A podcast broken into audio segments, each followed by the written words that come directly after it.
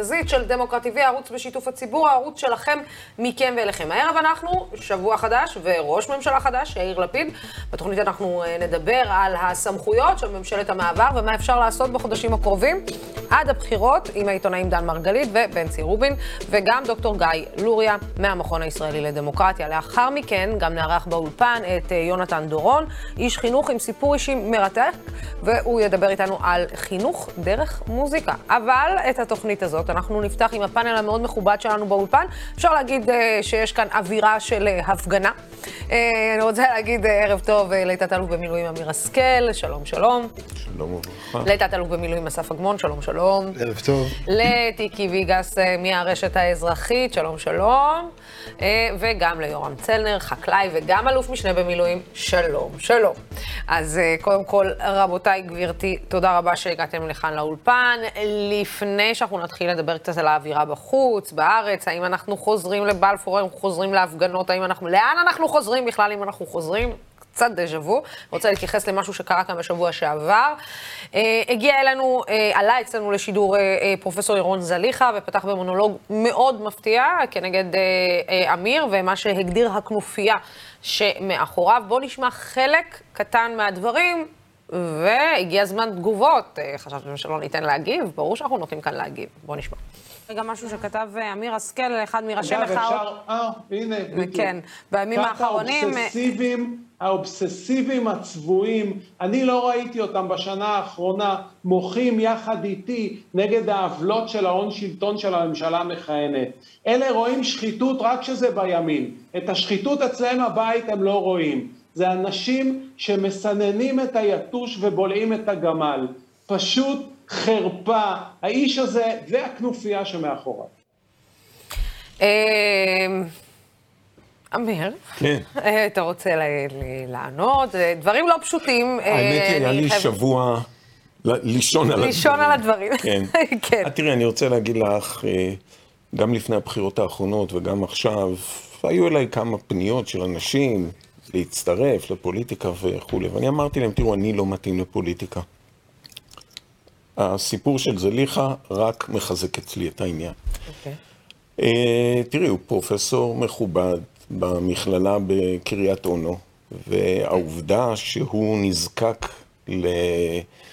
לכזאת שפה, לכזאת התלהמות, היא כנראה מצביעה שהוא במצוקה. עכשיו, פרופסור זליכה קיבל את הבמה אה, במהלך המחאה בכיכר גורן, בהבימה, בבלפור. אה, אני יודע על אנשי מחאה שתמכו בו כספית לפני הבחירות אה, האחרונות. והדרך שבה הוא משתלח בפני אנשים שנתנו לו את הבמה וסייעו לו, היא, אני חושב שהיא לא לכבודו. אה, אתה יכול להבין למה? אני, אני, א', התשובה היא לא, אבל זה משדר איזושהי מצוקה. אה, תראי, אה, זליכה, אה, הסיפור של, ממה התעורר כל העניין? לפני כמה ימים זליכה באחד הראיונות אמר שאין לו בעיה להיות עם ביבי. עכשיו, אותי כמישהו שמזוהה עם המחאה זה מאוד הפתיע. כי ברביעי בפברואר 2021, חודש לפני הבחירות, זליכה ביקש להיפגש איתי כדי לרתום אותי למפלגה שלו. וישבנו יחד, והסברתי לו שאני לא מתאים לפוליטיקה, ובנוסף גם אמרתי לו, תשמע, אני מניח שהסיכויים שלך לעבור את אחוז החסימה הם נמוכים. ולמה שקרה, צדקתי. עכשיו, באותו רעיון, הוא גם באיזשהו מקום אה, שם לי כותרת של גזען, בעקבות האירוע שהיה עם השוטרת. עכשיו, האירוע היה ב-20 באוגוסט 2020, יצא לתקשורת ב-6 באוקטובר 2020, כאמור, אנחנו נפגשנו בפברואר 21. אז זה לא הפריע לו העניין הזה. Uh, תראי, אני ככה קצת uh, לקראת המפגש הזה, קצת הסתכלתי בוויקיפדיה להכיר אותו קצת יותר טוב, וגם הצופים בנו וגם את מוזמנים להסתכל. לפני בחירות 19 הוא תמך בשלי יחימוביץ', בבחירות 20 הוא תמך במרץ. בחירות 21 הוא אמר שהוא הצביע לכחול לבן, וב-22 תמך בכחול לבן. כלומר, זליכה מחליף מפלגות בערך כמו גרביים. אה, והמילה האחרונה שאני רוצה להגיד, תראי, הוא קרא לנו פריבילגים, שאין לנו שום מושג מה קורה בזה. זה ליכה, תראי, אני לא פרופסור בכלכלה, אבל אותי הוא איננו יכול ללמד על אה. עלות של מוצרי יסוד, על uh, יוקר מחיה. אני נמצא שלוש פעמים בשבוע במכולת כדי לקנות מוצרים לאבא, שאני תומך בו. פעם בשבוע עושה קנייה הביתה, את הקנייה השבועית, כך שאני מוכן, יחד איתו, ל- לראות מי מאיתנו בקיא יותר בעלויות המוצרים וכולי. ומעבר לזה, אני חושב שכדאי שנסתכל קדימה, יש בפנינו אתגר מאוד גדול, ונעזוב את זה. אתם רוצים להגיב? אני מבקש לומר משהו אחד. קודם כל, אני גאה להיות בכנופיה הזו. כיף לי להיות איתם. אני מצטער. אני מצטער על השפה. השפה היא לא מקובלת. אני מצטער על הפניית הגב, וחבל, אני פשוט מצטער, כי אני כן חשבתי שאפשר לעשות חיבורים עם אנשי ימין, אני חושב שזה חשוב לעשות חיבורים עם אנשי ימין, אני חושב שזה ליכה כן התאים עצם זה שהוא איש ימין לעבוד ביחד, ואפשר לעבוד ביחד, גם הממשלה הזו הוכיחה שאפשר. זו עובדה שהוא אף פעם לא הסתיר, דרך אגב, שהוא הוא לא איש ימין שהוא אה, ימין בדעותיו. אה, זה- לזכותו, כן. ואני חשבתי שזה מאוד חשוב, ומאוד הצטערתי שברגע אחד, 180 מעלות, מפנים את הגב, ועם הסיסמה שדי, עם המילה שמאלנים, די, הבנו, זה מיצה את עצמו. אני לא חושב שיש פה, בטוח, ארבעה סביב השולחן, אני יודע שהם לא שמאלנים, בהגדרה של השמאלנים, ודי, בואו נלך קדימה. אה, אני חושב שהוא לא רלוונטי, ומותר לו להחליף את הדעות שלו, איך מירי רגב קוראת, קראה לאלה סטייקים. מותר לו, זה בעיה שלו, עם האינטגריטי שלו, עם המשפחה שלו, עם המראה שהוא מסתכל, זכותו. מה שמעציב אותי זה השפה. וזה לא שהשפה של זליכה, אלא שזליכה מבין שבשביל להצטרף למחנה של ביבי, אז הוא צריך אה, לגייס לעצמו שפה כזאת. הוא פרופסור, הוא ראש חוג, או דיקן הפקולטה לחשבונאות באקדמית קריית אונו. יש לו מאות סטודנטים. איך אתה מדבר? הם מסתכלים עליך בתור בן אדם שאתה דוגמה בשבילם, אתה הפרופסור שלהם. אז מה, מה אתה עושה? מה אתה רוצה? שמאות סטודנטים, זה מה שהם יאמצו. זה מה שקורה לנו, שהפוליטיקאים שלנו מדברים בשפה. עכשיו, הוא איש חינוך במקום הזה, אז הוא לא יכול להרשות לעצמו לדבר. הוא יכול להחליף מפלגות, מה שהוא רוצה, איך שהוא רוצה, זה בעיה שלו, עם המצפון שלו. זה, אני לא צריך לשפוט אותו על זה. לא, אנחנו רשאים לשנות את דעתנו. אה, אה, כן, אבל איזה, איך, איזה שפה? לאיזה רמה אתה יורד? אתה רוצה להגיד, שיניתי את דעתי, אני לא מסכים עם אמיר אסקה, אני לא מסכים עם... באמת. זה מה שעצוב, זה מה שעצוב, כי אנשים רואים את זה, וזה איש שמאות אנשים מסתכלים עליו. וזה מה שחבל. גברתי? אני רוצה להגיד שלמדנו ממנו המון. הזמנו אותו למחאה בפתח תקווה. הזמנו אותו בגלל יוקר המחיה וקשרי הור שלטון ושחיתות. אז לא ייתכן שלא היה אכפת לנו. זה בדיוק, על זה דיברנו, שהשחיתות פוגעת בכיס של כל אחד ואחד מאיתנו, ועל זה הוא בא לדבר. ובאמת למדנו איך המערכת המושחתת עובדת, ואיך היא עושקת את האזרחים, וזה קשור, וכל זה בחסות הממשלה. אה, כמובן שבממשלה החדשה, ממשלת השינוי, אישית אני לא רואה שינוי במדיניות של הקשרי הון שלטון, אולי לוקח להם זמן להשתחרר. אני לא פה או קצת חשש. שאפשר להגיד, אה, אה, אבל, לעשות אה, צעדים כאלו ואחרים. אבל, ואני לא יודעת מה קרה לירון. אני, מאוד, אני אישית למדתי ממנו הרבה והערכתי אותו מאוד. אני עדיין מעריכה את הידע שלו, ואני מקווה שהייתה לו פליטת פה בגלל הבחירות. אז בואו רגע שנייה, סגרנו את הנושא הזה, אני מקווה שצופינו קיבלו את אה, התגובה שרצו אה, אה, לשמוע. אני כן רוצה עכשיו להחזיר אותנו בעצם סוג של דז'ה וו, כולנו מרגישים איכשהו, אנחנו בבחירות חמישיות. אה, מחאת, אבל אני רוצה להתחבר לדברים שאת אמרת, אה, לסיפה של הדברים שאת אמרת, שבעצם דיברנו על ממשלת שינוי שבאה לשנות, שאמורה לשנות, שאמורה לשנות את הלך הרוח. אה, ומשום מה, בנושאים האזרחיים לפחות, ההרגשה הייתה הרגשה של תקיעות. אה, דברים לא השתנו, הרגשה ש... כישרון שלטון לא נוגעים יותר מדי, ההוא מכיר את ההוא שמכיר את ההוא שמכיר את ההוא, כולנו מרגישים את זה בכיס. אמ, אנחנו קוראים תחת הנטל, אז זה לא נתניהו, השיח עדיין שיח נורא ואיום אה, בחברה הישראלית, אם לא רק הלך והקצין.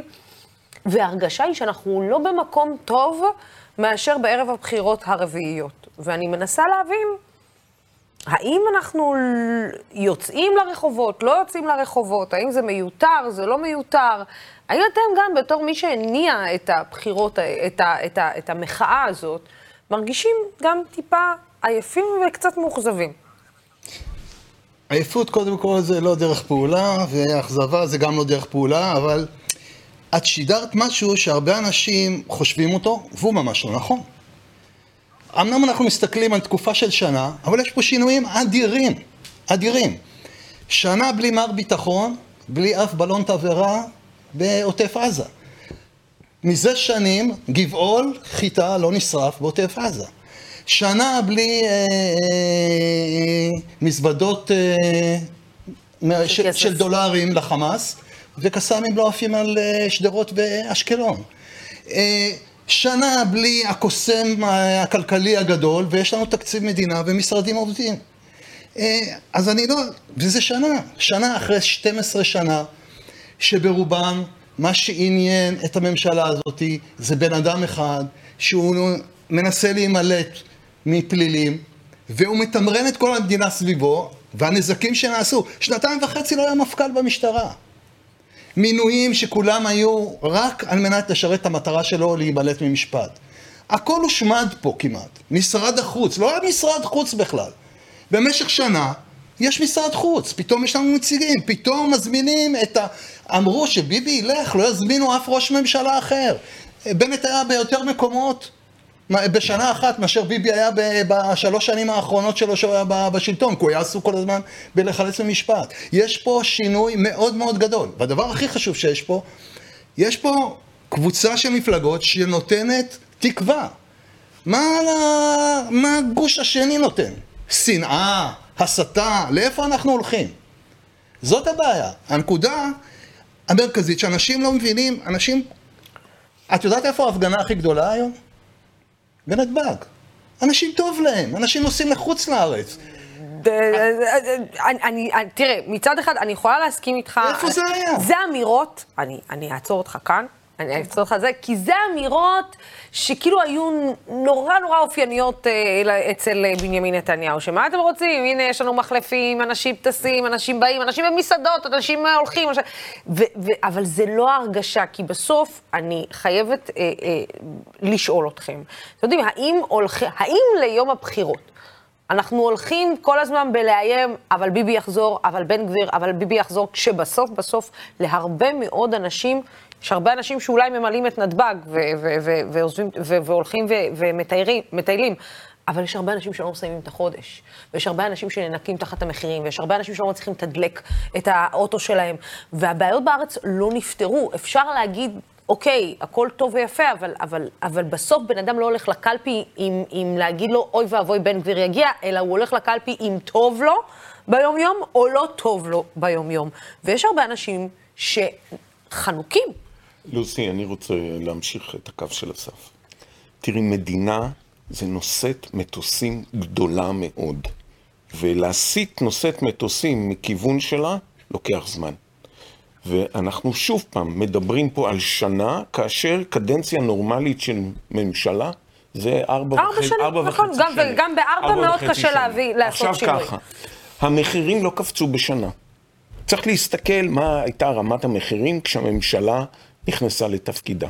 עכשיו, לזה צריך להכניס כל מיני גורמים שהם לא בשליטה שלנו. לא בשליטה שלנו שיש מלחמה בין רוסיה ואוקראינה ומחיר הדלק עולה. לא בשליטה שלנו שבגלל המלחמה הזאת מחיר החיטה עולה. אבל אפשר, להוריד, אבל אפשר צריך... להוריד את המס על הדלק, ואפשר אז לעצור, את המס ואפשר על... לעצור את, היבואנ... את, את, את אותם משווקים גדולים, ולהגיד להם, חברים, הרווחתם הרבה מאוד כסף בקורונה, בואו תעצרו קצת רגע. ותקבלו על עצמכם קצת את ההתייקרות. זה לא משהו הכל... שמדינה כן יכולה לעשות. זה, אני לא רוצה לצייר, לצייר תמונה מושלמת, אוקיי? דרך אגב, אם את שואלת אותי, אני חושב שה... נקרא לזה מחדל, התקלה הכי גדולה של הממשלה הזאת, זה היה בכל מה שקשור לנושא של דיור. כי אני חושב לא, שאפשר היה להרים, שאפשר היה להרים פרויקט חירום, כמו שעשו כשבאו פה מיליון אה, יהודים מברית המועצות, כמו שהיה הפינוי, לעשות איזשהו משהו שייתן מענה וקצת יצנן את השוק. אבל עוד פעם, קטונתי מלהיות מומחה בעניין, ואני חושב שזה פוספס, אוקיי? עכשיו צריך לקחת בחשבון, הייתה פה ממשלה מאוד מאוד מורכבת, אוקיי? ולתמרן את הדברים. עכשיו, זה היה ברמה של ניסוי. את יודעת, עכשיו שואלים, הניסוי הצליח? הניסוי... תראי, כל דבר שהוא ברמה של ניסוי, אתה צריך לתחקר אותו, להפיק את הלקחים, ולראות איך אתה עושה את הניסוי הבא טוב יותר. ואני חושב, עוד פעם, כשאת מדברת על אה, אומרים בן גביר, תראי, אני עוד פעם, אני לא פרשן פוליטי, אבל, ולמדנו דרך אגב שהכל אפשרי, אבל לפחות כפי שאני רואה את הדברים, אנחנו עומדים בשתי אפשרויות. אפשרות אחת שתהיה פה ממשלה שיובילו אותה בן גביר, סמוטריץ' ונתניהו, ואנחנו יודעים מה הכיוון שלה, ואפשרות שנייה שתהיה פה ממשלת שינוי מספר שתיים, בתקווה שהלקחים יופקו ויראו איך עושים את זה יותר טוב. אלה שתי האפשרויות. עכשיו, אני חושב שאני לא בטוח שכל אזרחי המדינה מבינים בדיוק את המשמעויות של הדברים. ולטובת העניין הזה, אני יכול להגיד שאני לפחות התחלתי לשוטט שוב פעם בצמתים, לא שיש לי כן, עוד עודפי... כן, אנחנו רואים אותך משוטט בצ... לא, בצמתים. לא שיש לי עודפי כוח, אבל כדי רגע לנסות להעביר לאנשים מה, מה, מה האופציות שעומדות לפנינו. אני מוכרחה להגיב. אישית אין לי אמון בפוליטיקאים. הם אה, אכזבו אותנו. ברוך הבא למועדון. אכזבו אותנו עוד פעם ועוד פעם ועוד פעם. אסף צודק שהיו כמה שינויים, וטבעי, ואנחנו רגילים שאם ממשלה עושה משהו, אנחנו כל הזמן מריעים לה. היא עשתה את תפקידה, היא העבירה תקציב, היא דאגה לביטחון. אגב, אבל... להריע, סליחה שאני קוטעת אותך באמצע, להריע, היא מה שצריך לעשות, להעביר, להעביר תקציב. אבל זה לא קרה בשנתיים כן, נכון, אבל אתה יודע, זה בסוף, זה לא הישג, זה מה שהממשלה צריכה לעשות. אוקיי, בדיוק. מה שאני רוצה להגיד, שהגיע הזמן באמת לשנות את, ה, את שינוי השיטה פה, כי אנחנו לא באמת בוחרים את הפוליטיקאים שלנו, אנחנו בוחרים מפלגה. ואז הם שמים שם את כל מי שהם רוצים, הם גם עושים מה שהם רוצים. אני לא רואה שיש פה הקשבה למה שהציבור צריך, כשפונים לחברי כנסת. אני לא רואה שיש תוכניות לצמצום העוני, יש שני מיליון עניים, יש ילדים רעבים. רק היום קיבלתי שלושה טלפונים אה, לתרום למשפחות במצוקה ולילדים רעבים. וזה המדינה צריכה לדאוג. עכשיו, מה שאני רואה, שאם אנחנו כאזרחים לא נקום ונעשה מעשה, השינוי הרי יבוא מאיתנו. הוא לא יבוא מהפוליטיקאים, הם בשלהם, ואני לא רואה גם שינוי במדיניות של קשרי הון שלטון. עדיין ממשיכים עם הפרטת הדואר, ומעבירים אותו לידי ההון, כמו שהפרידו את תע"ש, וכמו שהפריטו את שירותי הרווחה, וכמו שנתנו את הנמל לסין, וכמו ש... אה, הולכים להפריט כנראה את התעשייה האווירית, זה נקרא בשבילי מכירת חיסול של מדינת ישראל. לא מוכרים נכסים של מדינה, לא מעבירים אותם, גם לא את מתווה הגז. נכסים צריכים להישאר. תראי מה קרה עם ים המלח, הועבר בזמנו בממשלות הקודמות לכי"ל, ים המלח מתייבש, בולענים, חופים נסגרים, אסור שזה יקרה. אנחנו צריכים, ממשלה צריכה לשמור על הנכסים שלה כנכסים של חברה, של מדינה, הם החוזק של המדינה. וכשאומרים לי, הכלכלה יציבה, אבל אני רואה שהיא לא מחלחלת למטה, אז לא מעניין אותי שהיא יציבה או לא יציבה. עדיין יש שני, שני מיליון עניים, עדיין יוקר המחיה, עדיין צעירים לא יכולים לקנות דירה, אז מה הם שינו במדיניות? האופציה הפורטוגלית נראית, אז... פעם דיברו על האופציה, כל מיני אופציות סינגפורית, בסינגפורית וזה, עכשיו האופציה הפורטוגלית נראית... רק, עוד, רק עוד משפט אחד, בטח. ש... אי אפשר לשנות בשנה, אבל אני הייתי מצפה לראות תוכניות, שיש מגמה אה, לדי, לפתרון לדיור, להורדת יוקר המחיה, לעצירת ההפרטה, לחקירות של פרשות שהרסו לנו את החיים ואת המדינה. כל זה לא נעשה, והדגל, חוק הסמכויות, שהוא בלתי נסלח בעיניי. לא מעבירים חוק סמכויות, נקודה. אנחנו לא במדינה שהאזרחים לא משתפים פעולה וזה. מה זה חוק הסמכויות? שזה נגד חוק יסוד כבוד האדם וחירותו. לא לעניין. ומותר להעביר ביקורת גם על ממשלה שבחרנו בה, כי זה התפקיד שלנו כאזרחים.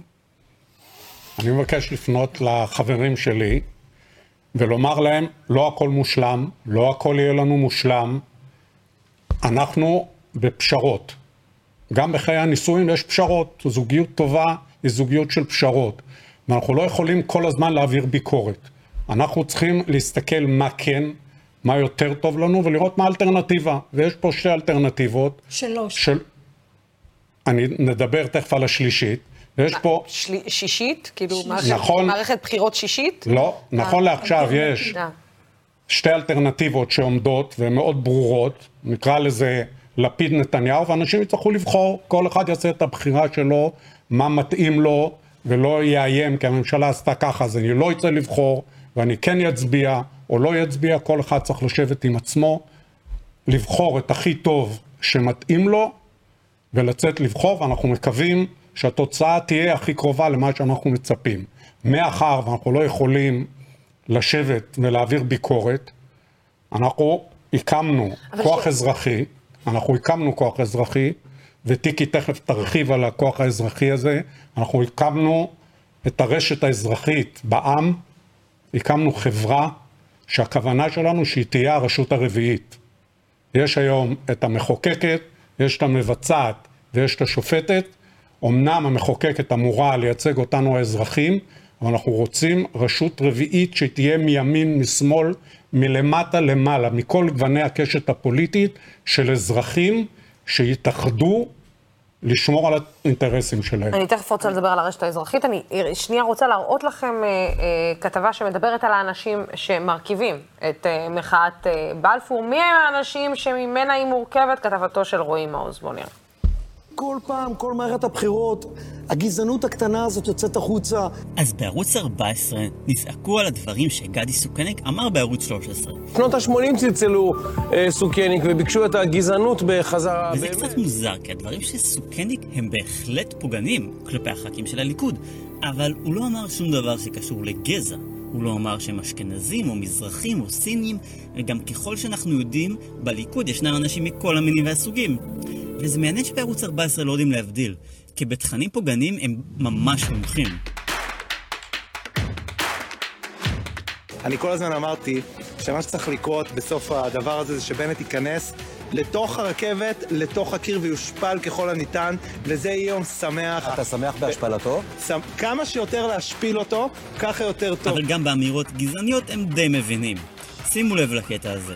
לא משנה כמה יצאו להצביע, משנה מי יוצא להצביע, ואתה די יכול לראות את הפרצופים, אתה די יכול לקטלג אותם באיזושהי אריזה מאוד מאוד אה, ברורה. על איזה פרצופים ועל איזה קטלוג הם מדברים שם? אז ככה, יומיים לפני שבנט הכריז על הליכה לבחירות, התקיימה בתל אביב הפגנת תמיכה בממשלת בנט-לפיד. אבל היא גם כנראה עצבנה כל מיני אנשים, נגיד את פרשן חדשות 13, אבישי בן חיים, שמיתג אותה כהפגנה של ישראל הראשונה. אז כשנתניהו מדבר על 100% שמאל שהשתתפו בהפגנה, על מה הוא מסתמך? ההבחנה מתבססת על תחקיר של ערוץ 14. תראה איזה הפגנה יפה, איזה אנשים יפים. כן, אבל אתה רואה קריים מיניסטר, זה הפגנת שמאל. תגיד, באת לעשות בלאגן? והחשיפה הגדולה שלו היא שתאמינו לו, מי שמזהים את עצמם כשמאלנים לא אוהבים את ביבי. אבל מה שהם כנראה מנסים להגיד זה שכביכול רק שמאלנים היו שם, ואנשים שמצהירים לעצמם שהם ימנים או פעילי ימינה, זה פייק. רק בנט. את הצבעת לבנט? רק בנט, את הצבעת לבנט? אז כדי לעזור לערוץ 14 נמשיך בתחקיר שלהם ונחשוף את אחד המפגינים, איש השמאל הקיצוני, משה בוגי יעלון. אתם יודעים, זה שהיה שר הביטחון מטעם הליכוד, זה שהיה כל כך אהוב על ידי שלום עכשיו עד שהם ביקשו מנתניהו להדיח אותו. אנחנו מצפים מראש הממשלה לא רק להסתפק בהצהרות, אלא גם במעשים, ולהדיח את uh, בוגי יעלון. הוא, מאה אחוז שמאל, לפי תפיסתם של נתניהו ואחרים. ואם ערוץ 14 היו מעמיקים יותר בארכיון, הם היו מגלים שהוא ממש לא איש הימין הראשון שעוזב את הליכוד, אלא מצטרף לשורה של ימנים שורשיים שעזבו את הליכוד בגלל נתניהו, כמו אריאל שרון, דן מרידור, מאיר שטרית, וגם כיום, גדעון סער, זאב אלקין, בני בגין. כל אלו הם לא בדיוק כוס התה של השמאלן הממוצע, אבל הם מוכיחים שאפשר גם להיות ימני וגם לחשוב אחרת על הדמוקרטיה. משה בוגי יעלון הוא לא רק חלק בשושלת של ליכודניקים, אלא חלק מגוורדיה גדולה של אנשי מערכת הביטחון שמתנגדים למדיניות הזאת. כולם זוכרים איך במערכת הבחירות הלפני האחרונה הצטרפו אליו עוד שני רמטכ"לים בראשות כחול לבן. וכמובן שגם אהוד ברק מתראיין ומביע עמדות בנושא. לדכא פיזית ואפילו לאיים בסגנון של עולם תחתון על הרשות השופטת, זה דבר שמחייב את הרחקתו מהחיים הציבוריים. וגם מופז נכווה ופרש. ראש ממשלת ישראל בנימין נתניהו הוא שקרן. ועוד בשנות ה-90 אלמון ליפקין שחק עמד מולו. נתניהו מסוכן לישראל. ודן חלוץ שמציג בתקשורת עמדות נחרצות וברורות מאוד. הוא פירק אותנו לרסיסים. זה ייקח לנו שנים לבנות חזרה חברה ישראלית. אז מסתמן שהרמטכ"לים כולם בדעה אחת. ואיך זה נגיד אצל ראשי המוסד שהיו כפופים ישירות לראשי הממשלה? תמיר פרדו לדוגמה, קרא לא להטיל את הרכבת הממשלה על מואשם בפלילים. וקודמו, מאיר דגן, אמר שביבי המנהל הגרוע ביותר שאני מכיר. ומי שלפניו, אפרים הלוי, אה, וגם מי שלפניו, דני יתום. טוב, שומעים ערוץ 14 עוד שנגמרים לנו ראשי מוסד, אז שנעבור לשב"כ? נתחיל מיעקב פרי. משם נמשיך לכרמי גילון, שאמר בעבר שנתניהו הוא אגו מניאק שמוביל לחורבן המדינה. ונסיים עם יובל דיסקין, שכבר שנים מתריע על מה שהוא רואה כהתנהלות ראויה לגינוי. וזו רק טעימה קטנה מרשימה ארוכה. אבל בערוץ 14 לא הסתפקו בתחקיר, והמשיכו גם לניתוח גזעני למהדרין. לא משנה כמה יצאו להצביע, משנה מי יוצא להצביע, ואתה די יכול לראות את הפרצופים, אתה די יכול לקטלג אותם באיזושהי אריזה מאוד מאוד ברורה. מוסי רז היה שם, היה מזרחי אחד לפחות. אז כן, עוד מזרחי כזה ועבדנו. טוב, אפשר לקטלג אתכם לאיזושהי אריזה אחת מאוד ברורה ו... אני יכול לומר לך משהו אחד. אני לקחתי חלק מאנשי המחאה שעשינו קמפיין לעזור לבנט להיות ראש ממשלה. אנחנו עשינו את הקמפיין הזה עם אנשי ימין, ואני מוכרח להגיד לך שזה היה מפגש, בסופו של דבר, אנשי ימינה אמרו, אם זה יצליח, אנחנו נחגוג, הם נתנו את התאריך. זה היה אחד המפגשים המרגשים שהיו לי. אנחנו נפגשנו, אנשי ימין, שפגשו פעם ראשונה בחיים, שוחחו עם האנשים שאין להם קרניים, פתאום ראו שאין לנו קרניים. על רוב הדברים אנחנו מסכימים. אלה אנשי המחאה. אנשי המחאה זה אחד כמוני, יש לי את זכות הראשונים, אני הראשון שיצאתי למחאה, לקחתי שלט ויצאתי ולא היו תיקים, לא היו תיקים נגד נתניהו. הסיבה שיצאתי למחאה, כי נתניהו מפרק את העם ופוגע בממלכתיות. זו הייתה הסיבה שיצאתי למחאה. לא תיקים ולא שום דבר אחר. ואני אז שירתתי במילואים, ושאלתי את עצמי, איך אנחנו נוכל להילחם ביחד? איך אפשר להילחם, ואם מישהו חושב שזה לא פוגע היום בצבא, וזה לא פוגע במשטרה, וזה לא פוגע בעסקים, כל התרבות הזו שהיום, כל ההסתה והשיסוי בישראל, וכל ההפרד ומשול, זה פוגע בכל המרקם של חיינו. וזו הסיבה שאנחנו פה, וזו הסיבה שאנחנו נשתדל לבחירות הקודמות להיות פעילים שזה לא יקרה ויהיה המשך, שנתניהו לא יחזיק בהגה. אסף, אתה יודע, השאלה אם בסוף, אני אוסיף גם לתגובה על הכתבה, השאלה אם בסוף גם אולי ההתעסקות, האובר התעסקות הזאת עם נתניהו, אה, לא, גב, לא גובה את המחיר הזה של גם הישארותו כ, כ, כפוליטיקאי מאוד פופולרי, וגם הגב הזה שהוא מקבל מתומכיו, שנהיה יותר ויותר גב, איך אומרים, גב, גב בטון שעומד מאחוריו, לא משנה מה. ואולי היה צריך לשחרר, אולי לא היה צריך להתעסק בו יותר מדי. את פוגעת בול, הרמת לי להנחתה. לא, אסור להמשיך. תראי, כל זמן שירדתי למחאה, אז בדקתי שמה שאנחנו עושים יש לו סיכוי להיות אפקטיבי. אם הוא תיאורטי, כמו להחליף את הפוליטיקאים, או ליצור איזה עולם אוטופי, אני לא שם, אני כבר מבוגר מדי ומבין שהעולם הוא לא אוטופי, ואנחנו לא נחליף את הפוליטיקאים, ולא נחליף את העם, וכל הדברים האלה, זה לא יקרה. הדברים נקבעים במגרש של הפוליטיקאים, ואנחנו צריכים לדאוג שיהיו את הפוליטיקאים שאנחנו הכי יכולים לסמוך עליהם, שהם יובילו את המדינה שלנו לאיזשהו מקום טוב. ולכן, לדעתי, אסור לי... לבוא עכשיו ולהגיד את מה שאמרנו במחאה, לא נאשם בפלילים וכל הדברים האלה, זה טעות חמורה, אסור להתעסק בביבי עכשיו, ואסור להתעסק בבן גביר עכשיו, ובס... הם הבעיה של הימין. תדעי לך, הבעיה הכי גדולה של הליכוד זה ביבי נתניהו. זה הבעיה של הליכוד. הבעיה הכי גדולה של המתנחלים ושאלה שמאמינים בארץ ישראל השלמה זה בן גביר, זה הבעיה שלהם. גם הבעיה הכי גדולה של סמוטריץ' היום. אה, את חושבת שיוסי דגן ולחייני רוצים שבן גביר יהיה שר בממשלה? זה אסון בשבילהם, הם יודעים את זה. בן גביר לא סופר את דרוקמן. והוא לא סופר אף רב שלהם, הוא סופר את אלי סדן? הוא לא שם. הצעירים של ש"ס, הם סופרים את דרעי? הם לא סופרים את דרעי, הם סופרים את בן גביר. ובש"ס עכשיו יש רעידת אדמה, כי הם מבינים מה שזה הולך לקרות, לכן הם ניסו שעוד תהיה ממשלה חליפית. לכן זה הבעיה שלהם. הליכוד הוא בעיניי מה שקרה לביתר ירושלים. ביתר ירושלים הייתה קבוצה נפלאה, מלמיליאן, אוחנה, זכו בתארים, זכו בגביעים, הייתה גאווה. גאווה של חלק ענק במדינה הזאת, תראי לי איפה הם הגיעו. כי היה להם אחד גיידמק, בא עם הכוח, בא עם הכסף, קנה שחקנים, הקבוצה היום בפשיטת רגל. בקושי נשארה בליגת העל, והיא הולכת לפשוט את הרגל, אולי תרד לליגה א'. זה מה שיקרה לליכוד. וזה מה שיקרה למפעל ההתנחלויות כשבן גביר ושמאל, זה בעיה שלהם.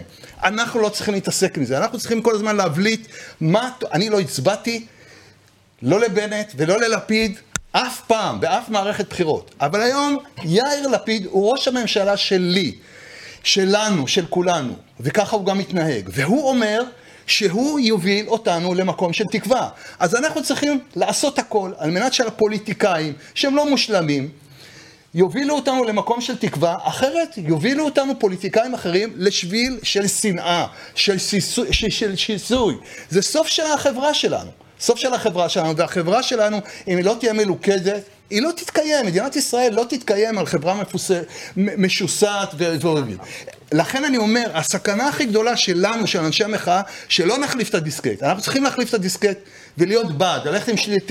עם שלטים של תקווה, של בעד, בעד לאחד, של אחדות. עזבו את ביבי, ועז... ביבי זה הבעיה של הימין. וסמוטריץ' ובן גביר זה הבעיה הכי גדולה שלהם, שיתעסקו עם זה. תנו להם להתעסק עם זה. אני שמעתי שב-20 ליולי הולכים, אה, דניאלה וייס הולכת להקים איזה 20 מאחזים, ויש התארגנות של שלום עכשיו, או גופים אחרים ללכת ולהילחם נגדם. תגידו, אתם הזויים? תנו להם להילחם עם צה"ל. תנו להם להילחם עם צה"ל, שהציבור יראה מה הולך לגדול פה. גוף שנלחם עם צה"ל. תנו להם לעשות את זה בערך בערך כאילו שביידן היה אומר לדמוקרטים, בואו נעלה לקפיטול, נילחם עם תומכי טראמפ ששלחו לעשות. תנו להם לעשות את הטעויות שלהם. הדבר הכי טוב שיכול להיות זה אנחנו צריכים לתת רוח גבית לממשלה הזאת, כמה שאנחנו אוהבים את הפוליטיקאים וכמה שאנחנו פחות אוהבים אותם, לתת להם רוח גבית, לקוות שהם לא יעשו שגיאות וגם אנחנו. אנחנו... וגם להזכיר לפוליטיקאים שנבחרים. שאנחנו פה להזכיר להם מתי הם לא עושים את העבודה. נכון, נכון. זה מאוד מאוד נכון חשוב. מאוד. נכון מאוד, אבל אסור לנו לעשות שגיאות, ואסור לנו לשחק למגרש שלהם. תנו להם להתעסק עם ביבי. כן, תיקי, אני כן רוצה שתדברי איתי על הרשת האזרחית, כי, כי זה בדיוק המקום שלנו, האזרחים, להזכיר לפוליטיקאים ששום דבר הוא לא קבוע, וגם הכיסא שלהם הוא לא קבוע, ועל אחת כמה וכמה, אם הם לא משרתים את רצון הציבור. בדיוק. ויש עין מפקחת. כי אנחנו מחאה, אני לא יכולה להגיד הפגנה, כי הפגנה זה רק חלק ממחאה.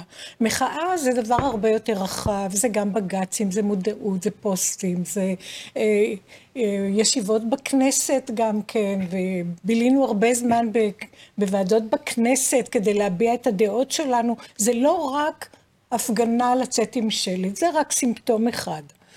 אה, ולכתוב ספרים. אמ, טיקי כותבת ספרים. הרעיון הוא ולקרוא גם, לא- להתגאות שאנחנו קוראים ספרים. לקרוא, לקרוא, למצוא את לא הזמן שאנחנו לקרוא, לא קוראים כן. את צ'כוב. בדיוק. עכשיו, הרעיון הוא שצריך למצוא פתרון, ומכיוון שאין אמון בפוליטיקאים, ויאיר לפיד אה, יבוא וידבר יפה, הוא באמת מדבר יפה, והוא כובש לב כשהוא מדבר, אבל גם הוא כבש לב גם קודם, ובינתיים אה, אני הרגשתי שהוא לא עשה את המינימום שהוא היה צריך לעשות. ולכן צריך למצוא פתרון. מה הפתרון? זה לבנות כוח אזרחי חזק, שיוכל להיות לא רק בראש סדר העדיפות של הפוליטיקאים, אלא שתהיה לו השפעה על סדר היום.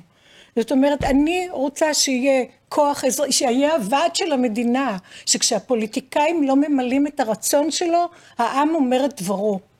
ולא לשבת ולשתוק ולהגיד, ככה זה, זה פוליטיקאים, זה גם בחו"ל, זה גם ב- באיי סיישל וזה, נו באמת, יש לנו כוח, יש לנו יכולת, יש לנו את החוכמה, יש לנו את הכסף, יש לנו את הכישרונות, יש לנו את כל מה שצריך להקים כוח אזרחי, אם כל אחד אה, יתרום מיכולתו, לאו דווקא כסף, מיכולתו, מזמנו, מכל מה שהוא צריך, ולכן בנינו את הרשת האזרחית.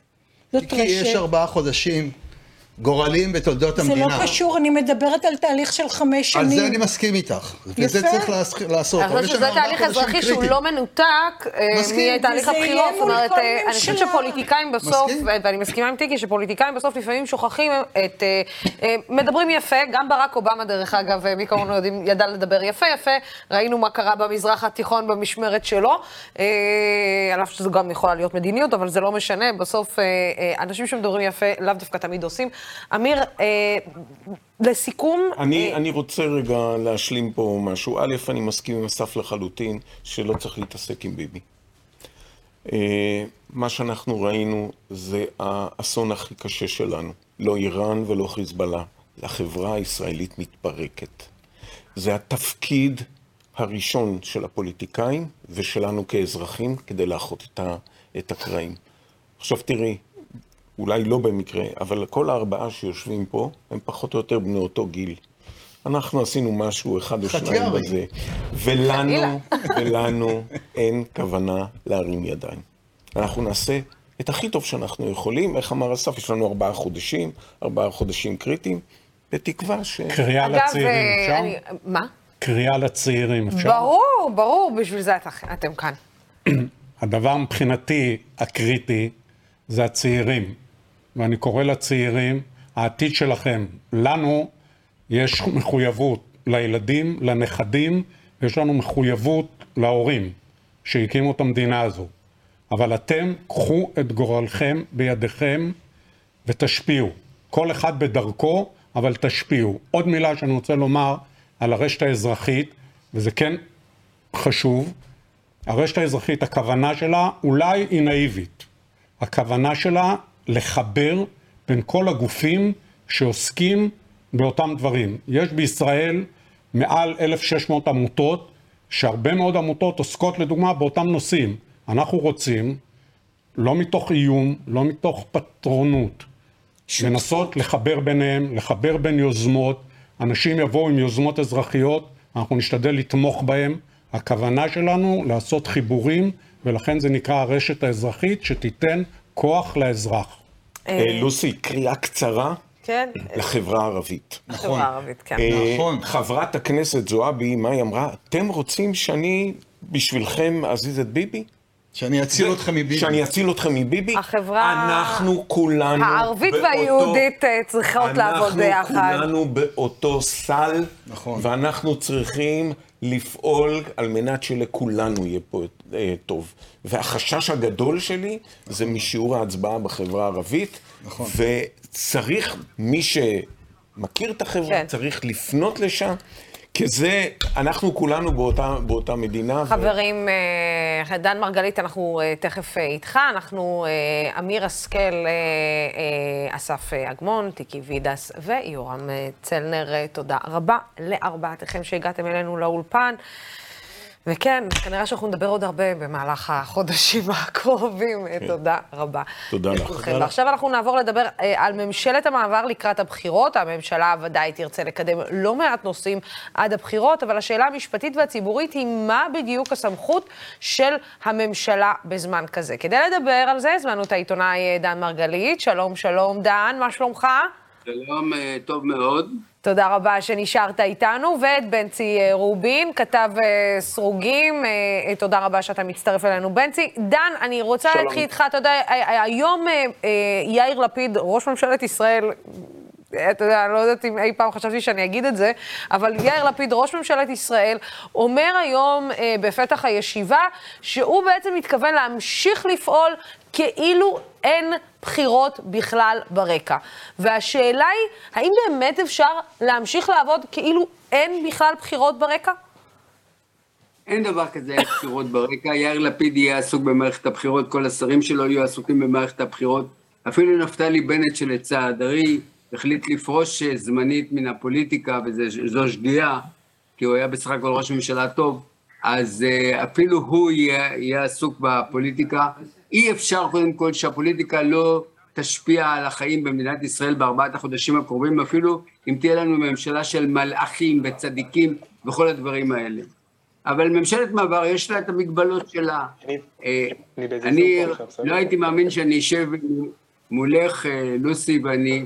אה, ובכלל שאני אשתתף בדיון הזה במקום להשתתף בדיון הקודם שבו נאמרו כמה דברים מאוד חכמים וכמה דברים מאוד לא חכמים, מאוד לא חכמים, אבל... אתה יכול להגיב, דן, אתה יכול להגיב, אתה יכול להגיב חופשי, זה... זה אי הבנה, זה אי הבנה של איך לנהל את המאבק. המאבק צריך להיות ממוקד קודם כל, וכמעט באופן בלעדי, רק בבנימין נתניהו. רק, רק בבנימין נתניהו. זאת הייתה מהות ההפגנה. הייתי ב-63 הפגנות אה, בסיבוב הקודם, וגם הייתי בהפגנה הזאת שהראיתם בכתבה, ואפילו ביקשו ממני שם לנאום. אני אומר לך, זה שגיאה, זה אי הבנה, אני מצטער שאנשים, שאנשים שהובילו את המאבק, שהם אנשים מצוינים, הם לא מבינים את הדבר הזה. אבל בואו נדבר רגע על ממשלת המעבר. אז כן. בכל זאת אני אומר, שמע, אני יכול להבין אה, לוסי, שהיום אומרים, שמע, אל תבחר רמטכ"ל כרגע. למרות שאני כן תומך בכך שיבחרו רמטכ"ל מראש, למרות שאם את זוכרת, אני תמכתי באהוד ברק נגד הניסיון של גבי אשכנזי למנוע בחירת רמטכ"ל בזמן. צריך לבחור רמטכ"ל בזמן, לאפשר לו להיכנס לתמונה, לחפוף וכל הדברים האלה. אבל כאשר יש ממשלת מעבר, מעבר, צריך לעשות את זה בשכל. אילו ביבי היה נוהג כהוגן, הוא לא נוהג כהוגן. כאשר יאיר לפיד מזמין אותו לתדרוך מדיני, הוא אומר, רק עם המזכיר הצבאי שלך, חצוף שכמותו. אבל, אם הוא היה נוהג כהוגן, הייתי אומר, תראו, בואו נראה משהו כזה. האם אפשר להביא את יאיר לפיד, את בני גנץ, את בנימין נתניהו, ונניח עוד איזה מומחה של הליכוד, נדמה לי קישקיש, הוא היה, קצי, הוא היה טייס בצבא, יואב קישקיש או, או ברקת, מישהו שהיה במערכת הביטחון, אה, גלנט, יואב גלנט. כן.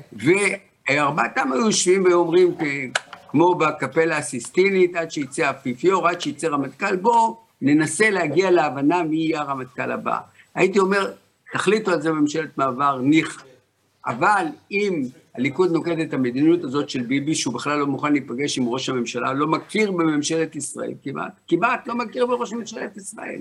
זה דבר נורא, אנשים לא רואים מה, מה קורה כאן איתו.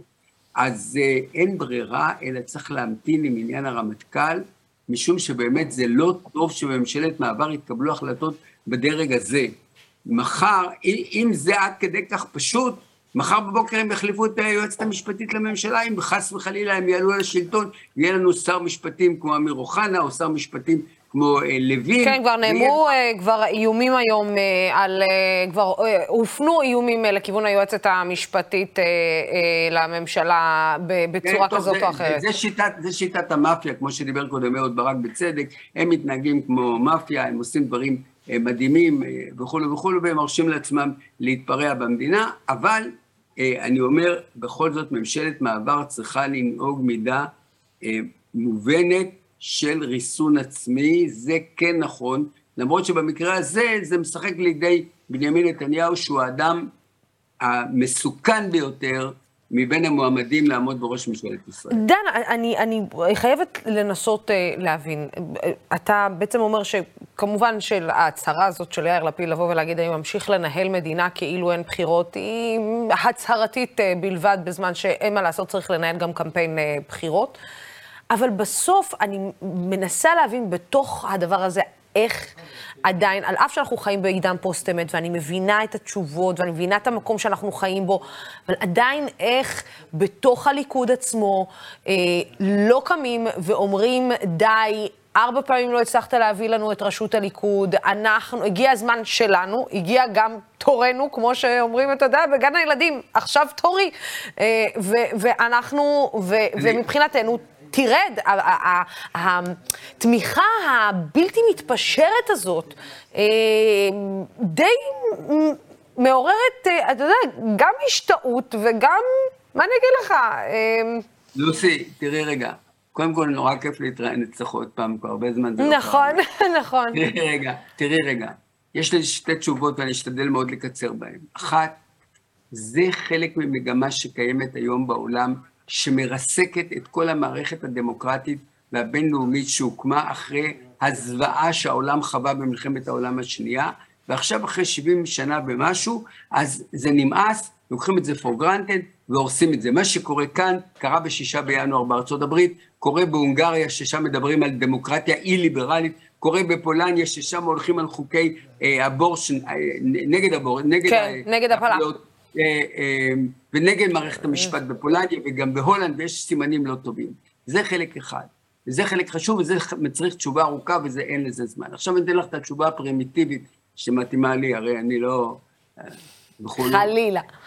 אם היית, אם היית אוהדת כדורגל, והיינו הולכים יחד לבלומפילד כל שבת שנייה, היית רואה שלי לא אכפת אם מכבי תל אביב משחקת טוב או לא, אני רוצה שהיא תנצח.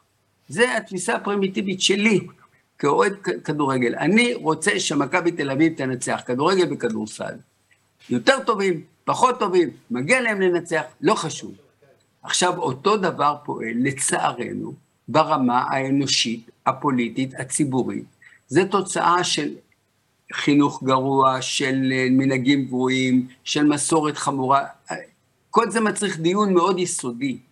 אבל אם את מדברת על ה-state of mind, זה ה-state of mind. לא אכפת לי, לא אכפת לי שינצחו, העיקר שינצחו, העיקר ששלוש הנקודות יירשמו לטובת הקבוצה שלי. והם הצליחו על ידי זה שהם בנו את כל המערך הזה שאנחנו מכירים, עם כל אה, אה, החדירה שלהם לתקשורת ובעיקר לתקשורת החברתית, הם הצליחו ליצור אה, קיבוץ, קבוצה מאוד גדולה בתוך הציבור הישראלי, שכך וכך. זה, אנחנו הולכים ל-uphill battle, אין ספק. אם אנחנו רוצים לנצח, אם אנחנו רוצים להבטיח שמדינת ישראל לא תיפול מחדש בידיו של בנימין נתניהו, אנחנו צריכים לצמצם את המאבק רק מול בנימין נתניהו, כמובן שזה אה, אה, בן גביר וסמוטריץ' וכולו, וגם בליכוד יש אנשים שאני לא רוצה לראות אותם בשלטון, אבל את המאבק צריך לנהל מול בנימין נתניהו. אסור שהוא יחזור. זה יהיה, זה תהיה בכייה לדורות למדינת ישראל. ו, אבל זה נורא קשה, ולכן היות וזה נורא קשה, גם לפי הדוגמה ההיסטורית שאני אומר לך על, ה, אה, על היחסים, על שבירת המערך הבינלאומי של, של העולם ושל האנושות וגם של מדינת ישראל בתוכו, וגם על פי מה שאני אומר לך באופן פרימיטיבי על הכדורגל, זאתי התשובה על נתניהו, מוכרחים. כן, אה, דן מרגלית, איזה כיף לדבר איתך. אני יודעת שאתה צריך uh, ללכת, אז אני אשחרר אותך, ואני מתנצלת שעיכבתי אותך בתחילת לא uh, השיחה. Uh, תודה רבה שהצטרפת אלינו. תבוא יותר, לך. תבוא יותר, תבוא יותר. Uh, לא זוכר שאמרתי לך שאני לא רוצה. אז, אז, אז, אנחנו, אז אנחנו נתקשר יותר, אנחנו נתקשר יותר. כן.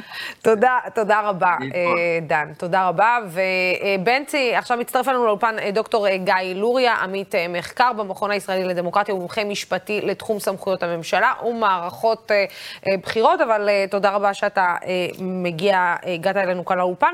אבל קודם כל, בנצי, אני כן רוצה, כמובן מסרוגים, שוב, תודה רבה שאתה מצטרף אלינו.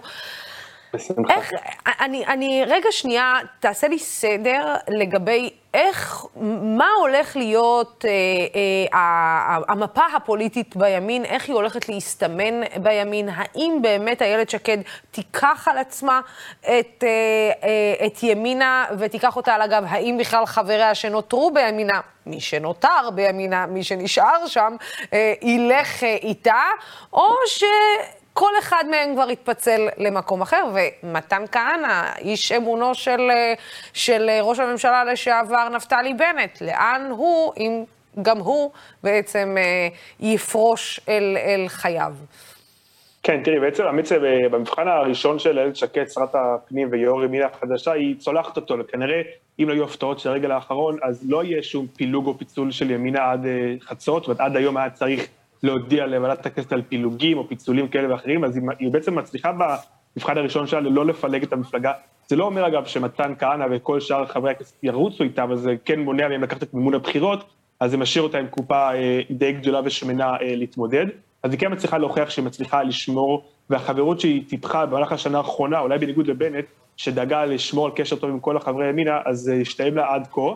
אמ, היא כן מתכוונת לרוץ, היא כן מתכוונת, אה, מה שנקרא, ללכת עד הסוף נכון לעכשיו, היא כן אה, הולכת להשקיע את השבוע, שבועיים הקרובים במחקרי עומק, בסקרים עמוקים, לראות באמת מה האלקטורט, איך בעצם היא הולכת לפצח את הוואקום הזה, שמצד אחד יש לא מעט אנשים בציבור הדתי-לאומי והימין הרך, שלא רוצה להצביע לנתניהו, אבל גם לא רוצה אולי את לפיד בהמשך הדרך.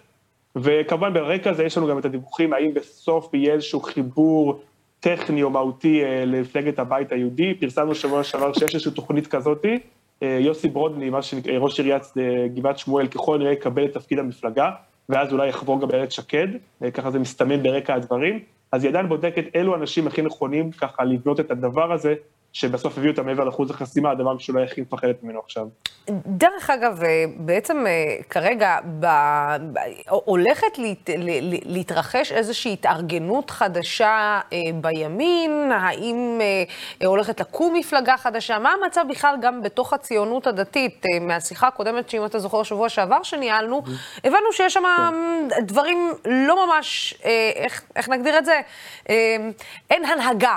אה, שבאמת אה, בציונות הדתית יכולים אה, לסמוך עליה ולהגיד, זה מה שמייצג אותי. והשאלה היא, האם תראי, לא... על זה, על, על זה יחלוק עליך בצלאל סמוטריץ', הוא טוען לכתר שהוא בעצם ראש התנועה, יש מאחוריו, אה, בפי הסקרים, כמעט עשרה מנדטים אפילו, והוא, כמו שאמרנו, פתח מהליך של ועדת הבחירות הפנימית שלו, וב-23 באוגוסט פריימריז פתוחים אצלו. ברקע האפשרות כמובן להמשיך להיות עם החיבור ההוא עם איתמר בן גביר, אבל שוב, בנושא הזה, בדיוק במקום הזה, איילת שקד רוצה אולי להיכנס, כי יש לא מעט אנשים בציבור הדתי-לאומי, הרך, אולי אנשי, נקרא לזה אנשי המרכז יותר, פחות ההתנחלויות הכבדות, שמעדיפים איזשהו קול יותר אה, לאומי, אבל פחות לאומני, אה, ושם היא מכוונת לציבור הזה, ויש לא מעט כאלה. אני מזכיר שבעבר אה, ימינה קיבלה אפילו גם שבעה ושמונה מנדטים, ולכן יש לכאורה מקום כזה. האתגר שלה יהיה הפיצוח המאוד עדין הזה של מה העונים ששאלו אותה לגבי עתידה תחת נתניהו. כי היא לא מעוניינת לפסול את נתניהו באופן אה, רשמי ומהותי, מבינה שזה יבריח קולות. מצד שני, אם היא תגיד שהיא כן תשב תחת נתניהו, היא תבריח קולות מצד מרכז-שמאל. אה, זה את הקולות של שלה. מי? אני, אני מנסה להבין, את הקולות של מי היא מנסה לא להבריח? הקולות שהיא כבר הבריחה, שכבר הוברחו מימינה? זאת אומרת, אה, אתה יודע, בסוף אה, השאלה היא האם לא יותר הגיוני, מרוב שהיא לא רוצה להגיד מילה נגד נתניהו, היא לא לחבור באופן אוטומטי לנתניהו. אז זהו, הקו החדש שלה ככל הנראה יהיה משהו כמו צריכים ממשלה רחבה, לא פוסלת אף אחד.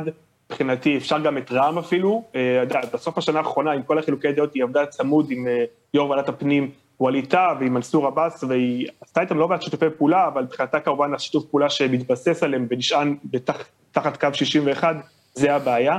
אז שוב, היא עוד לא פיצחה את השיטה, היא עוד לא פיצחה את הכיוון של מה בדיוק יהיו המסרים. מבחינתה, הדבר הראשוני עכשיו, זה קודם כל לייצב את המפלגה, היא הצליחה למנוע את הבריחה של המנדטים והמימון בחירות, זה כבר הצלחה אחת.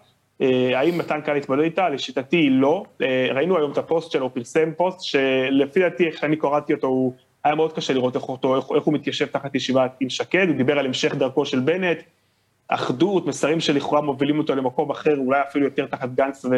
או, או לפיד. זהו. אה, אבל, אבל, אבל הוא, הוא כן עשה אולי את המעשה, נקרא לזה הג'נטלמני, אולי למד גם מחברו הטוב בנט, לא לברוח עם הכסף, לא לברוח עם המימון, הוא נשאר נכון לעכשיו, יכול להיות שהוא יעזוב שבוע הבא, אבל, אבל הוא יגיד, אני עזבתי את המפלגה, לא, לא עשיתי איזשהו מהלך אה, לא מוסרי, לא תקין, לא גנבתי את המנדט, בניגוד לאחרים, נשארתי נאמן ל, ל, ל, למוסד, אבל יכול להיות שבמלא הדרך אני אחליט על התמודדות בסיעה אחרת. כן, בנצי, אני רוצה שתישאר איתנו אה, רגע, אנחנו רוצים גם לפתוח את הדיון אה, לגבי אה, הסמכויות של הממשלה, ממשלת המעבר ומערכות בחירות. אה, אה, נמצא איתנו גיא לוריה, אה, עמית מחקר במכון הישראלי לדמוקרטיה.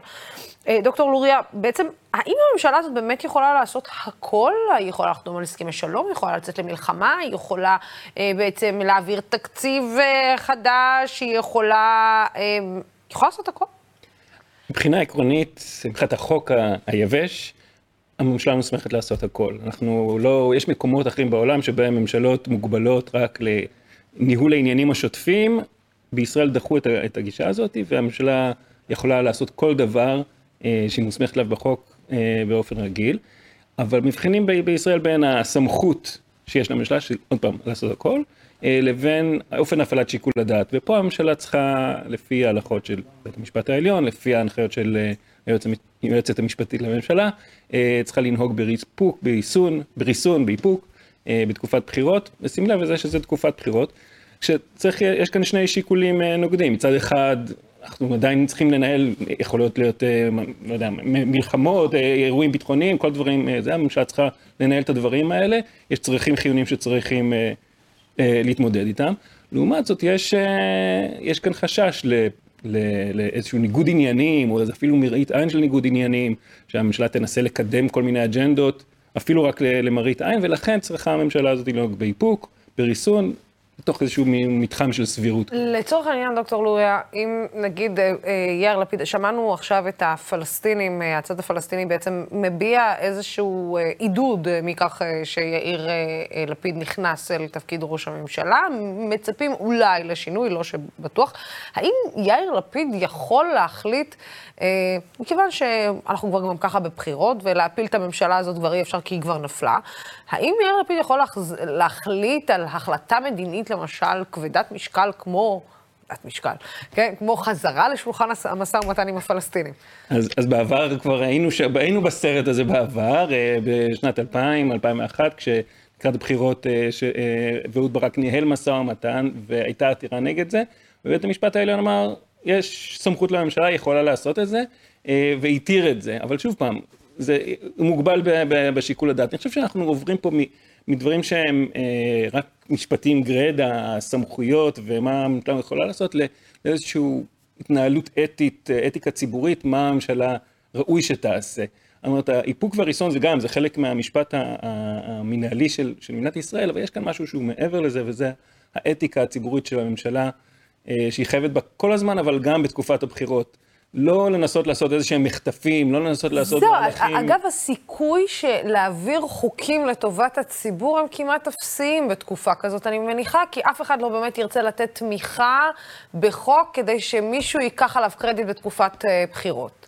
נכון, ויש גם בתוך הכנסת, בכנסת שהיא כזאת, היא כנסת יוצאת, יש כל מיני מגבלות ש, שהכנסת לוקחת על עצמה. שוב הכנסת מוסמכת לעשות הכל. יכולה להעביר כל חוק שהיא רוצה, אבל יש איזה שהם מנהגים ש, שהכנסת לא מעבירה דברים אלה הם בהסכמה של הקואליציה והאופוזיציה, וזה מצמצם את, ה, את האפשרויות. אבל אנחנו כבר היינו גם בסרט אחר, שבו אה, ב-2019, ספטמבר 2019, הייתה איזה מערכת בחירות אז, כבר אני לא זוכר איזה סיבוב. אני, אני, אבל- לא, אני, אני לא איתך בספירה. אבל, אבל, אבל, אבל כן, הקואליציה ניסתה להעביר אז, כמה ימים לפני הבחירות, את חוק המצלמות בקלפיות. זה היה חוק לא בהסכמה של הקואליציה והאופוזיציה, לא הצליח לעבור. הי- הייתה גם ממשלה, ממשלת אה, בפברואר 2020, שניסה להעביר, אה, שהעבירה, לא ניסתה להעביר, העבירה החלטה להקים ועדת אה, בדיקה לגבי מח"ש, החלטה להעלות יהודים מאתיופיה, שגם היועץ המשפטי לממשלה דאז אמר, זה מהלך לא חוקי, בעייתי מאוד, יש חשש לניגוד עניינים, או אפילו מעין שוחד בחירות.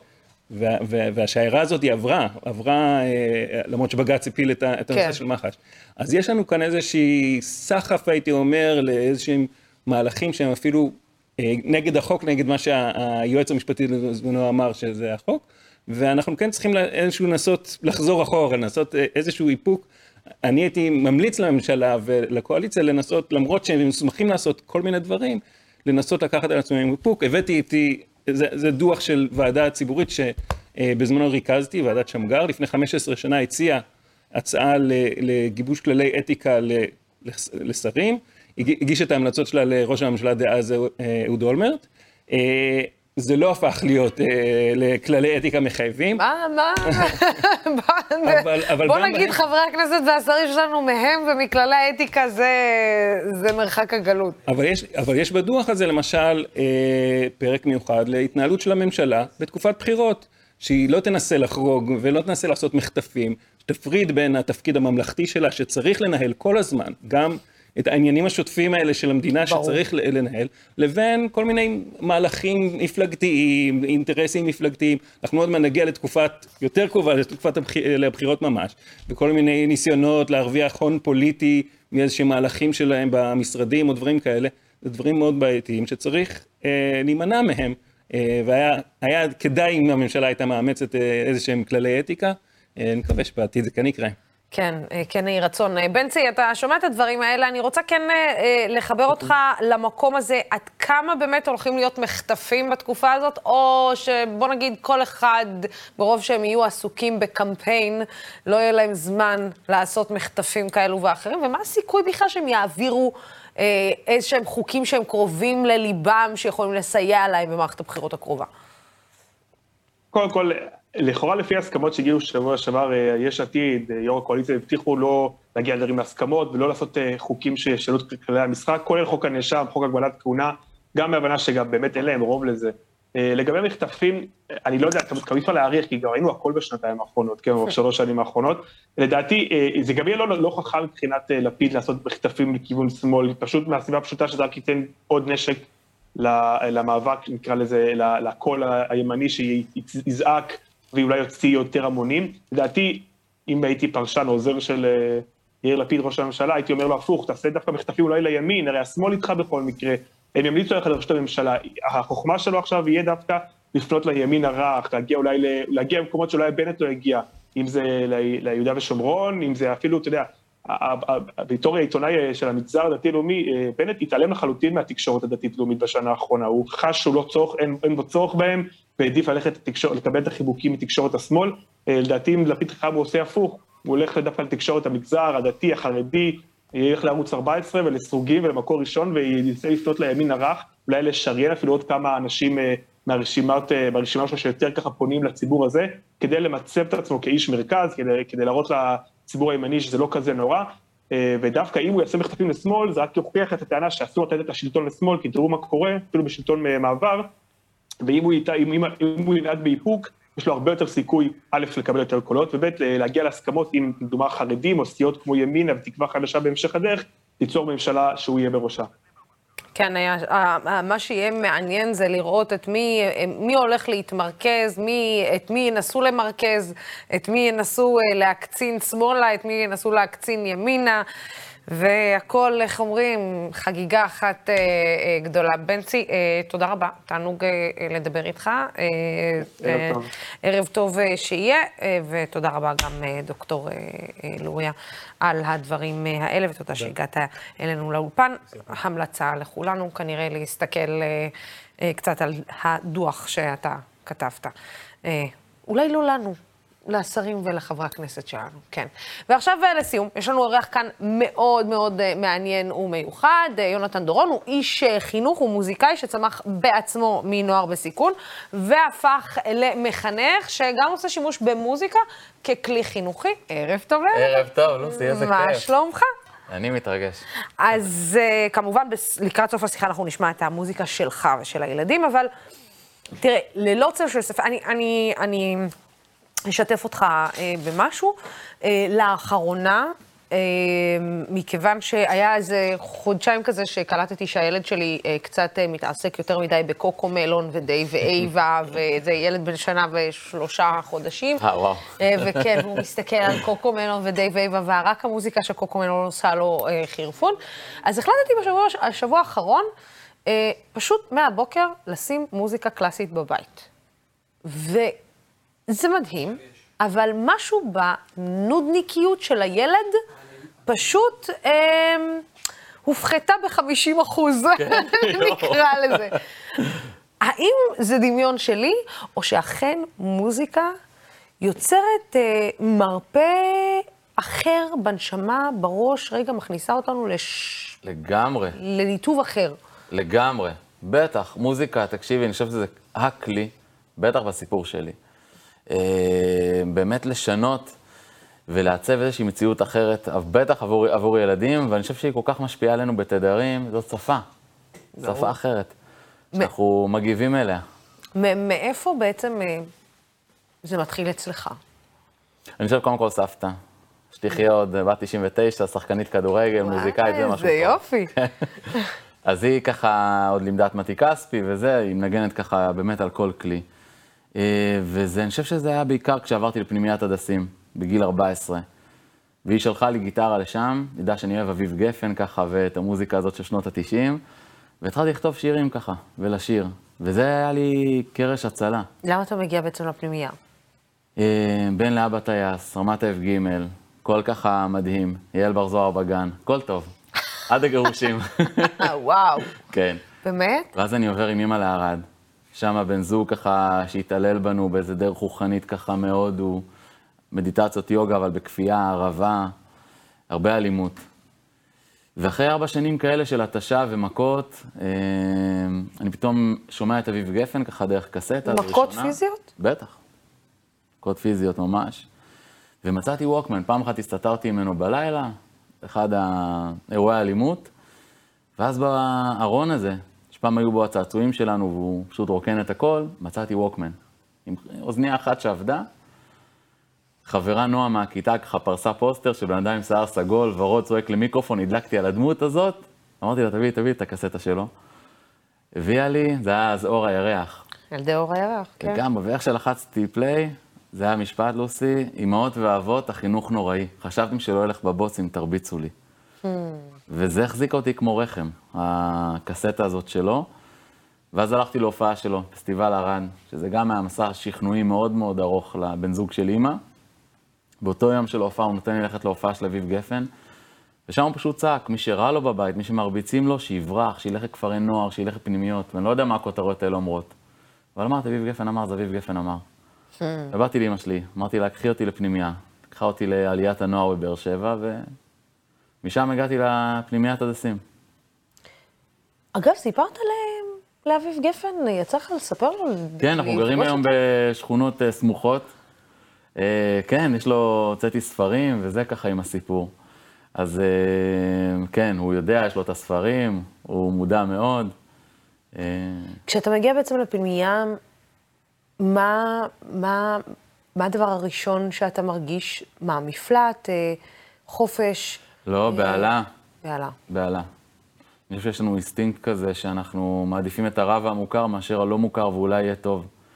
ועמדתי שם בתור, היה תור ככה שלושה, שלושה קילומטרים לטלפון הציבורי, לא מבין מה הסיפור, אני מסתכל צפונה לכיוון השער, אני רואה שיש אורות שמתחלפים במעגלים.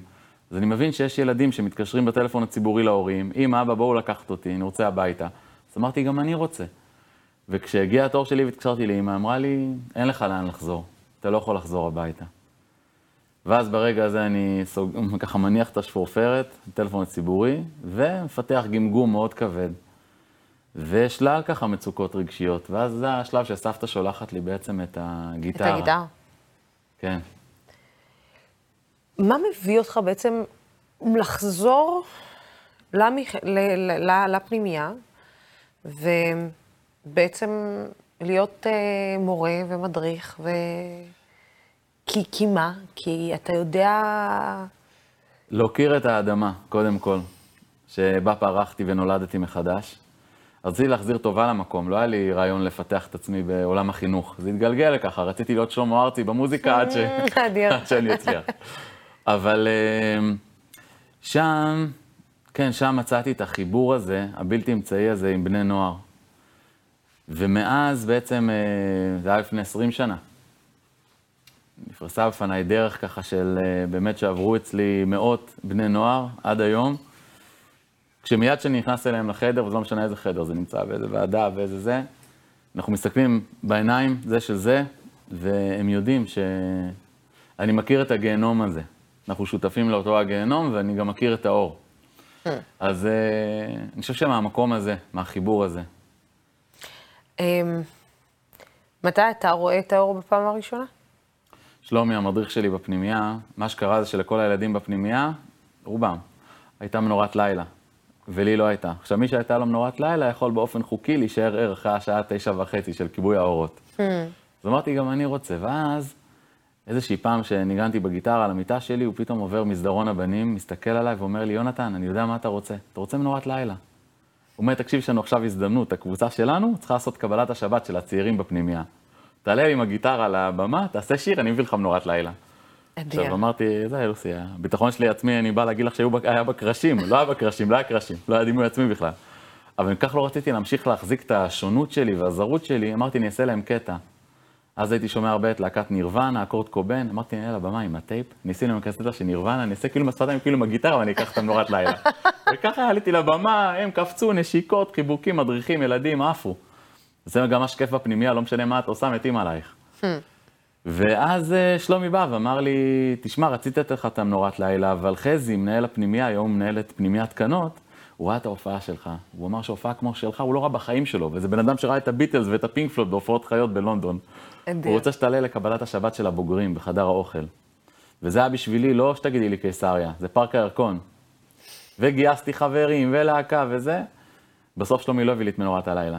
הוא לא הביא לך את המנורת הוא לילה? היה בחיים שלי רק ארבעה חודשים, הוא עזב את העבודה וזה. אבל הוא הביא לי את האור הכי גדול שיכולתי לבקש, אני חושב שילד יכול לבקש ממבוגר. הוא היה זה הראשון שפעם ראשונה נתן לי להרגיש שמישהו רואה אותי, ומישהו נותן לי להרגיש שייך. ואני זוכר איך דרכתי על הרצפה של חדר האוכל כשאני יורד מהבמה, והפסקתי לגמגם. וואו. כל הדברים שהציקו לי לפני, נעלמו כלא היו, כאילו הג'יני בא ולקח אותם. איזה מדריך אתה? איזה מורה אתה? אה, קודם כל לומד. כל דבר שאני פוגש, כל פעם שאני פוגש אה, סימן קריאה אצלי בפנים בלב, אני הופך אותו לסימן שאלה.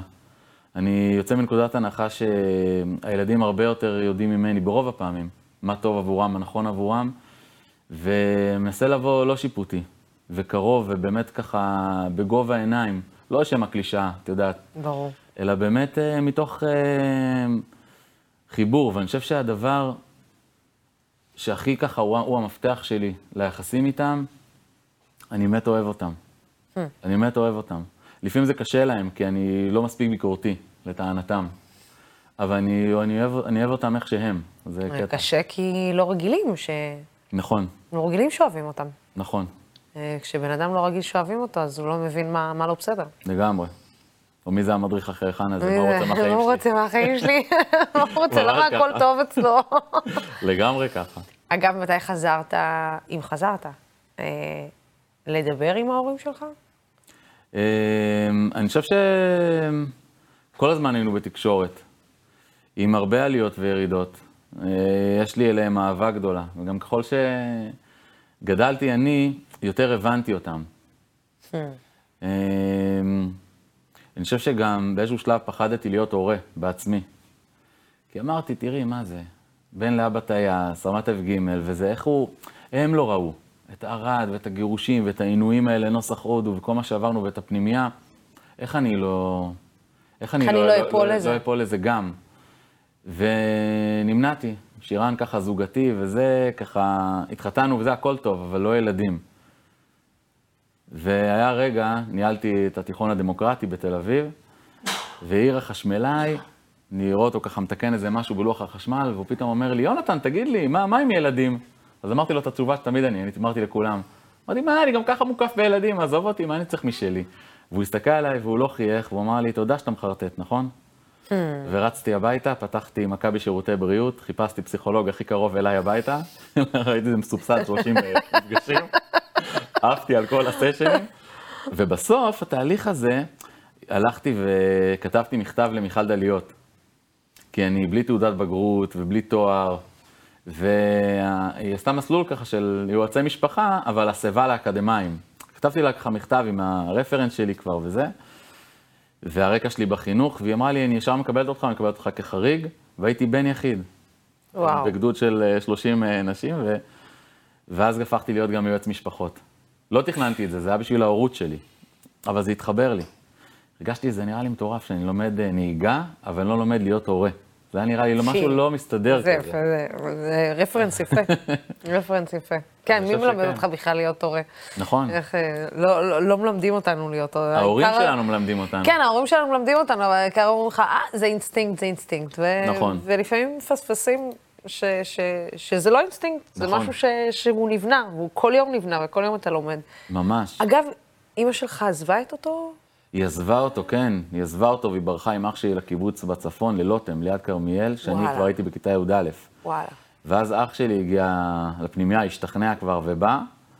אה, לדעתי את מכירה אותו, לוסי, אה, יהל, מגיא ויהל, הצמד. וואו. אז אחרי אותה הופעה, בקבלת שבת של הגדולים, אז גיא, שהוא היה כבר בפנימייה, הוא היה ממש בתחילת היסודי. אז הוא ככה נצמד אליי, אמר לי, אתה מלמד אותי בס, אתה מלמד אותי לנגן, ואז שידכתי בינו לבין יעל. מדהים. וכן, אז, אז, אז, אז הסגירה, האמת עם כאילו זה הכל. מגיע במשפחה. הכל, תקשיבי, תראי איזה קלוז'ר מדהים. הם גם, דרך אגב, התארחו אצלנו. כן? ברור. יא. ברור. עוד אה, בסיבוב, ה- בשנה הראשונה שלנו, נכון, אה, גל? כן, באחד המשדרים הראשונים שלנו. יואו. כן, כן, כן, של דמוקרט. מדהים.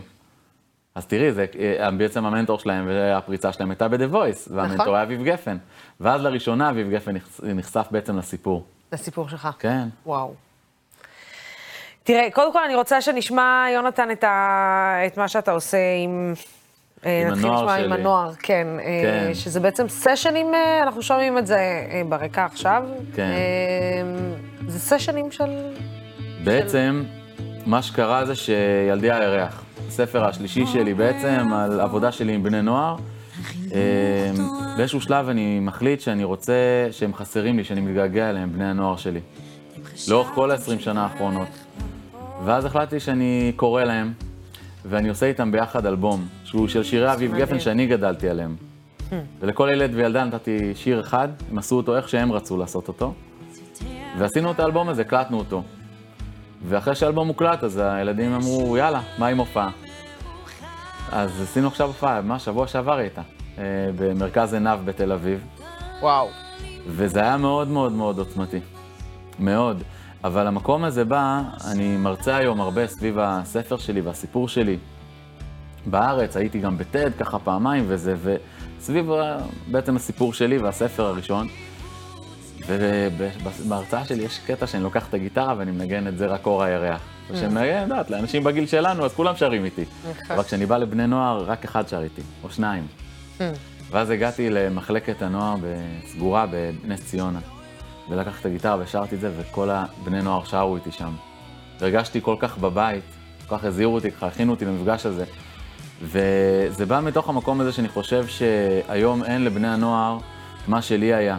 את הדמויות האלה כמו אביב גפן, או אפילו, את יודעת, קורט קוביין או whatever, אבל אפילו סדרות כמו עניין של זמן. באמת התכתבו ככה עם מה שאנחנו נכון. עברנו כבני נוער, עם ההורים. כן, יש עכשיו טיק טוק, אה, לצערנו. בדיוק. ו- וילדים שהולכים בחליפות אה, לבתי קולנוע והורסים את בית הקולנוע. בדיוק, עם המיניונים וכל עם זה. המיניונים וכולי.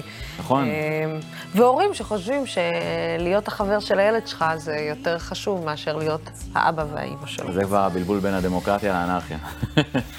בול. ממש. יונתן, אה, וואי, איזה מזל שיש בני נוער בישראל שעוברים תחת הידיים שלך. אני גם, גם זכיתי... אה, איזה מזל שאתה, שהם עוברים עם החינוך שלך ואת הליווי שלך, ו... ותודה רבה לך. תודה, תודה רבה לך. שהגעת, כי זה... וואי, הרבה זמן לא ישבתי ו... ו... וראיינתי מישהו ופשוט חייכתי ולא הפסקתי לחייך. איזה כיף. אה, זה, יואו. כשעצמו, זה עושה לי טוב בנשמה. תודה רבה. תודה רבה, גם לי, תודה גדולה. תודה רבה, יונתן, אה, על זה שבאת אלינו, תודה רבה על הרעיון, ותודה רבה לך על מה שאתה עושה. תודה כמובן, גדולה. אה, תודה רבה לצופים ולשותפים של דמוקרט TV. התוכנית הזאת והערוץ הזה אפשרי רק בזכותכם ובזכותכן. בימים כמו אלו הולכת ומתחדדת החשיבות של ערוץ תקשורת שלא מפחד להביע עמדה נחרצת בעד הדמוקרטיה ובעד שלטון החוק, בעד המאבק בשחיתות ובעד מגוון של דעות. לא התחברתם עדיין לדמוקרט TV, לא שלחתם לינק, לא ביקשתם לחברים להצטרף אלינו? מה זאת אומרת? עכשיו, פה, למטה. בינתיים, סלام.